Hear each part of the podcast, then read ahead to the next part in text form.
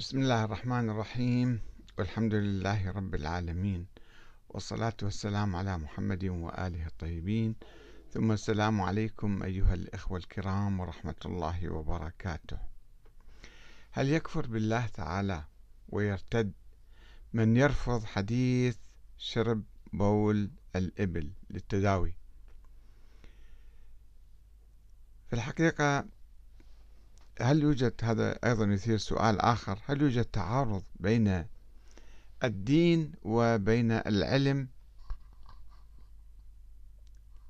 هذا سؤال يعني في مواضيع عديدة ولكن الآن نتساءل هل الدين يتناقض أو يتعارض مع آه، مثلا وضع البول بأنه مثلا آه، بكتيريا سامة فيه تسبب هذه البكتيريا الفشل الكلوي وأمراض عديدة.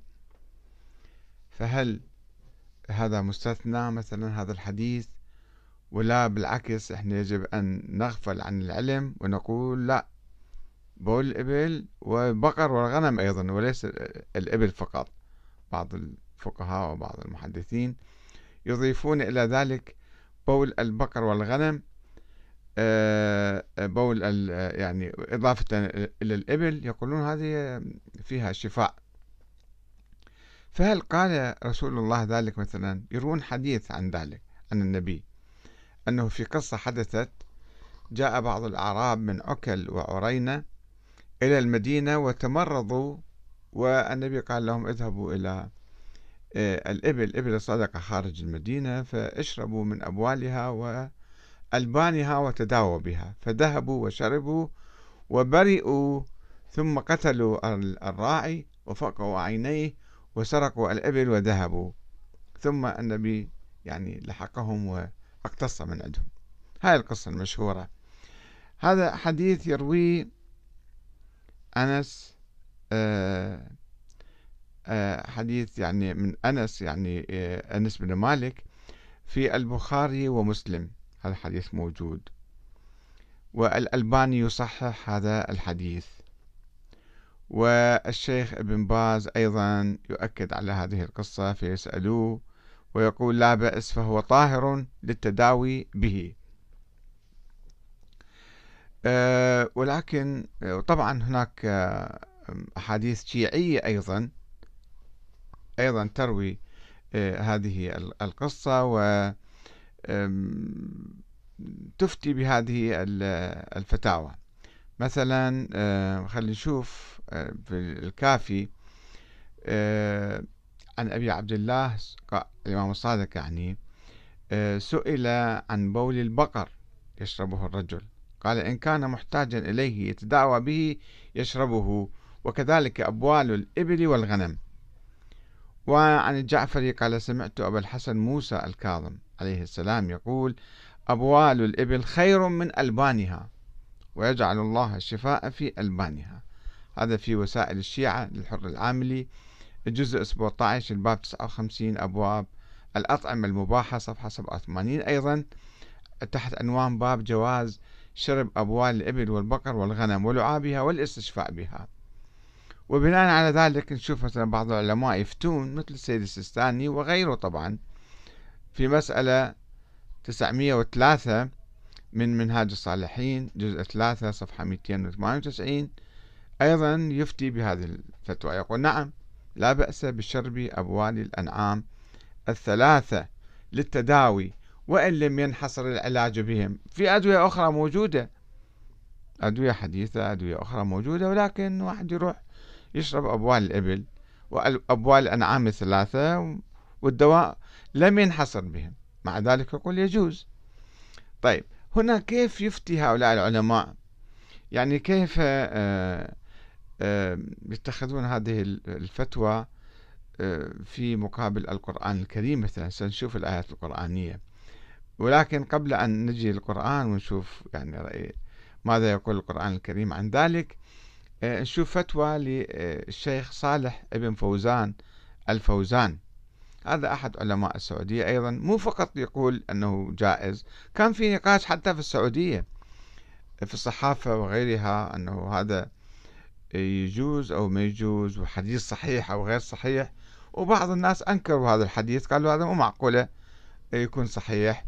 فالشيخ آه، صالح أفتى بأن من لم يعترف بصحة حديث العلاج ببول الإبل وكذلك أحاديث أخرى ذكرها هو حديث جلد الظهر وأخذ المال. إذا الأمير مثلا الحاكم آه، يجي لظهرك ويأخذ أموالك فأنت يجب أن تسلم له ولا تعارضه. هذا حديث أيضا صحيح. كل الأحاديث صحيحة كأنه قرآن عنده. يقول اللي ما يقبل بهالأحاديث فهو زنديق وملحد. ولا يقبل قوله ويعامل معاملة المرتد عن الإسلام فهو يرد على الرسول صلى الله عليه وسلم. هل فعلا؟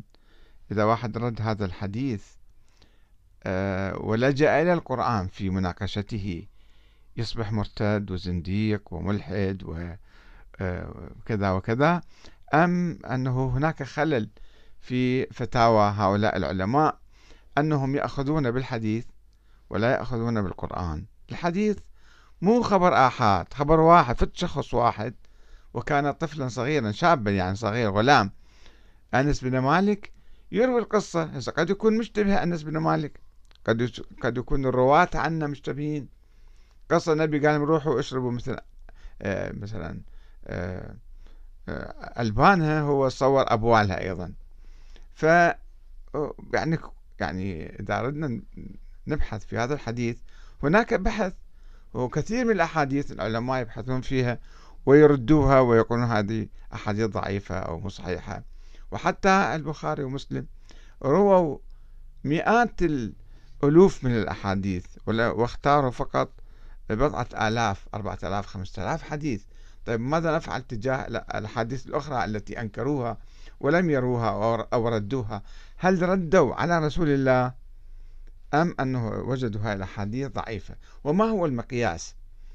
آه عند الشيعة هناك مقياس واضح وصريح. في رواية عن الإمام الصادق تقول بأنه إذا جتكم أحاديث من عندنا اعرضوها على كتاب الله. إذا وافقت كتاب الله فهي من عندنا صادرة. وإذا ما وافقت كتاب الله فاضربوا بها عرض الجدار. طيب هنا الروايات اللي رويناها عن الإمام الصادق ليست مروية عن حتى عن النبي. يعني الإمام الصادق لا يقول آه، قال رسول الله أو مثلا قال آه، أو الإمام الكاظم مثلا. يقول هو ديت رأيه. ديت رأيه ولكن خلينا نشوف آه، ماذا يقول القرآن الكريم في هذه المسألة حتى نلجأ إليها. قبل أن ندخل في مسألة الآيات القرآنية النبي صلى الله وسلامه عليه ما هي مهمته في الحياة؟ هل الطب مثلا هناك كتاب معروف أنه طب النبي هل هذا صحيح؟ روايته صحيحة؟ لماذا النبي لما هو تمرض وكان يلجأ للأطباء وجابوا له طبيبين فسألهم من أحدق منكما؟ قال هذا أحدق فلجأ إليه إلى الطبيب الأعلم. فهو ما كان عنده علم بالطب. الله سبحانه وتعالى يخاطبه فيقول يا أيها النبي إنا أرسلناك شاهدا ومبشرا ونذيرا وداعيا إلى الله بإذنه وسراجا منيرا. ما قال أنت الطبيب أيضا للناس. في الأمور الحياتية العادية الناس هم علماء والنبي يلجأ لهم وكذلك الأنبياء السابقين أيضا كانوا يلجؤون إلى الأطباء. فإذا النبي ليس طبيبا ولا يتحدث كطبيب كأنه وحي نازل عليه. وإذا رد هذا الحديث كأنه رد على الله تعالى. يمكن آه، تكون معلومة مثلا منتشرة عند الناس معلومة خاطئة ويلصقوها بالنبي. فإحنا ما عندنا يعني آه، دليل قاطع وصحيح أنه فعلا آه، النبي قال ذلك. فنجي على على القرآن. مشكلتنا إحنا عارفين القرآن تاركين القرآن وماخذين الأحاديث وأخبار الأحاد وحتى الأخبار التي تتعارض مع القرآن. مثل هذا الأمير لو جلدك وأخذ مالك وضربك وأنت لازم تسمع وتطيع. هذا حديث أموي مختلق. ويعتبروا هذا صحيح. إذا شككت فيه أنت هدمت النظام السياسي القائم على الظلم والطغيان والاستبداد. فلازم يكون الحديث صحيح لأنه هذا في مصلحة الحكام آه، يقول الله تعالى في كتابه الكريم يا أيها الذين آمنوا كلوا من طيبات ما رزقناكم. يعني الله يريد ناكل من الطيبات ما ناكل الأشياء القذرة والخبيثة. واشكروا لله إن كنتم إياه تعبدون. إنما حرم عليكم الميتة والدم ولحم الخنزير وما أهل به لغير الله فمن اضطر غير باغ ولا عاد فلا إثم عليه إن الله غفور رحيم. أي 172 173 سورة البقرة. وقال أيضا وقال تعالى يا أيها الذين آمنوا لا تحرموا طيبات ما أحل الله لكم. لا تحرمون الطيبات ولا تأكلوا الخبائث ولا تعتدوا. لا تحرموا طيبات ما أحل الله لكم ولا تعتدوا إن الله لا يحب المعتدين. وكلوا مما, رزق مما رزقكم الله حلالا طيبا واتقوا الله الذي أنتم به مؤمنون. 87 88 المائدة. وقال أيضا الذين يتبعون الرسول النبي الأمي الذي يجدونه مكتوبا عندهم في التوراة والإنجيل يأمرهم بالمعروف وينهاهم عن المنكر ويحل لهم الطيبات ويحرم عليهم الخبائث ويضع عنهم إصرهم والأغلال التي كانت عليهم. إلى آخر الآية. فالذين آمنوا به وعزروه ونصروه واتبعوا النور الذي أنزل معه أولئك هم المفلحون. وفي آية أخرى يسألونك ماذا أحل لهم؟ قل أحل لكم الطيبات. طيب خلينا نشوف نحلل هذا أبوال البقر والإبل والغنم. أه صحيح مو نجسة مثلا؟ خلينا نقول مو نجسة مثلا آه، أصابت ثوب الإنسان يستطيع أن يصلي به بثوبه. ولكن أن يجي يشرب البول ما هذا هو سموم البدن خارج من, من عنده. قد تكون أخف من بول الإنسان أو الحيوانات أكلت اللحوم. باعتبار هذه الحيوانات أكلت الحشائش ولا تأكل اللحوم. ولكن بالتالي هي لماذا ماذا نسميها بولا؟ لأنها تخرج من تصفية الدم يعني و السموم القذرة تخرج من الخارج. فهي إذا خبائث ونوديها للتحليل نشوفها. هي خبائث حتى ريحتها. الله سبحانه وتعالى وضع الرائحة الكريهة في هذه الأبوال حتى يتجنبها الإنسان. فنجي نقول لا هاي صارت دواء وفيها شفاء وروح اشرب. بناء على حديث شخص واحد يتكلم بعد 200 سنة البخاري ناقل هالحديث 200 250 سنة. ناقل حديث واحد عن واحد عن واحد عن شخص واحد أنه النبي قال كذا. يمكن النبي ما قال. كيف نعرف ذلك؟ ما متأكدين. القرآن الثابت عندنا والصريح والواضح أنه أحل لنا الطيبات. الله سبحانه وتعالى وحرم علينا ويحرم عليهم الخبائث.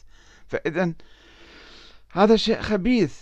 فلماذا نحن نأخذ أحاديث عن مثلا آه، أنس بن مالك أو حديث أحاديث تروى في كتب الشيعة أيضا آه، من آه، عن الإمام الصادق أو الإمام الكاظم. ويجون الفقهاء الآن سواء السنة والشيعة ويقول لك لا هذه يمكن واحد الشافة بها حتى لو ما محتاج يعني ما مضطر وفي أدوية أخرى.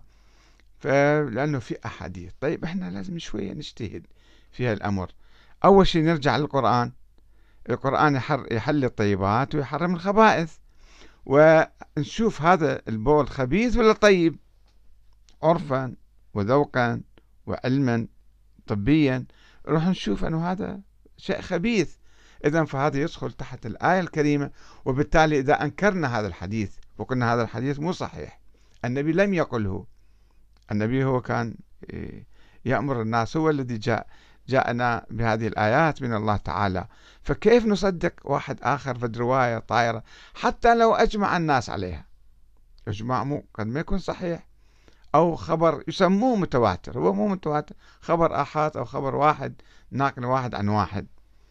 بعد مئات السنين نجي إحنا نكون آه، سخرية للعالم.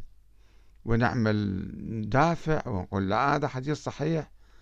طيب هنا في حتى الألباني مثلا يصحح هذا الحديث. يصححه بناء على آه، قوانين التصحيح والتضعيف اللي عنده. أن هذا إذا رواه البخاري أو رواه مسلم فإذا صار صحيح. لا يجب أن حتى هذه المنهجية نشكك فيها. منهجية التصحيح والتضعيف للأحاديث على أي أساس؟ هل عرض هاي الأحاديث على القرآن؟ يمكن عند بعض علماء السنة وخاصة الحنابلة مثلا عندهم الحديث لا خلص يخصص القرآن أو ينسخ القرآن أو الحديث مثلا يهيمن على القرآن. في بعض بعض العلماء يقولون ذلك ولكن الشيعة ما عندهم الشيء هذا. عموم الشيعة أتكلم يجوز واحد يجي السيستاني مثلا ما أعرف رأيه في الموضوع أنه الأئمة ينسخون القرآن ما مو معقول الكلام هذا. ينقل عن السيستاني هذا القول أنه آه، الأئمة ينسخون القرآن. هذا مو نسخ هذا دي يجيب في حديث هو واحد يرويه عن الإمام الصادق أو الإمام الكاظم. ولكن إحنا عندنا حديث أصح من الأحاديث اللي عن الإمام الصادق يقول اعرضوا أحاديثنا على القرآن. أن هذا المنهج وهذا القياس فعندما نعرض هذه الأحاديث على القرآن نحن لا نسلم بها نضعفها. وبالتالي نحن نستغرب من هذا آه، الشيخ آه، الفوزان الذي يقول بأن من ينكر هذا الحديث من لم يعترف بصحته واحد ناقش الحديث قال لك هذا حديث مو صحيح. بأن من لم يعترف بصحة حديث العلاج ببول الإبل فهو زنديق وملحد ولا يقبل قوله. إنسان يشهد الشهادتين يصلي يصوم بس هذا الحديث مثلا آه، شافه يتعارض مع القرآن أو مع العلم يقول لك هذا ممكن حديث مو صحيح. ويعامل معاملة المرتد هذا تطرف في الحقيقة التكفير بسرعة. هنا المشكلة عند بعض الأخوة الذين نسميهم وهابية وهم يرفضون يقول لا إحنا مو وهابية. بسرعة يكفرون الواحد. يعني بس واحد ناقش في حديث أو أبدى رأي أو كذا هذا رد على الله. يرد على الرسول. ما يرد على الرسول ومو ثابت عنده قول الرسول. بعد 1400 سنة واحد ينقل لنا حديث نجي إحنا نقول له أنت قاعد ترد على الرسول؟ لا هو يؤمن بالرسول ومسلم يصلي ويصوم ولكن هذا الحديث يراه آه، غير معقول وغير صحيح وغير ثابت فيرده. نسأل الله الهداية والتقرب آه، إلى القرآن الكريم وعرض الأحاديث على القرآن حتى نعرف الصحيح من الموضوع. والسلام عليكم ورحمة الله وبركاته.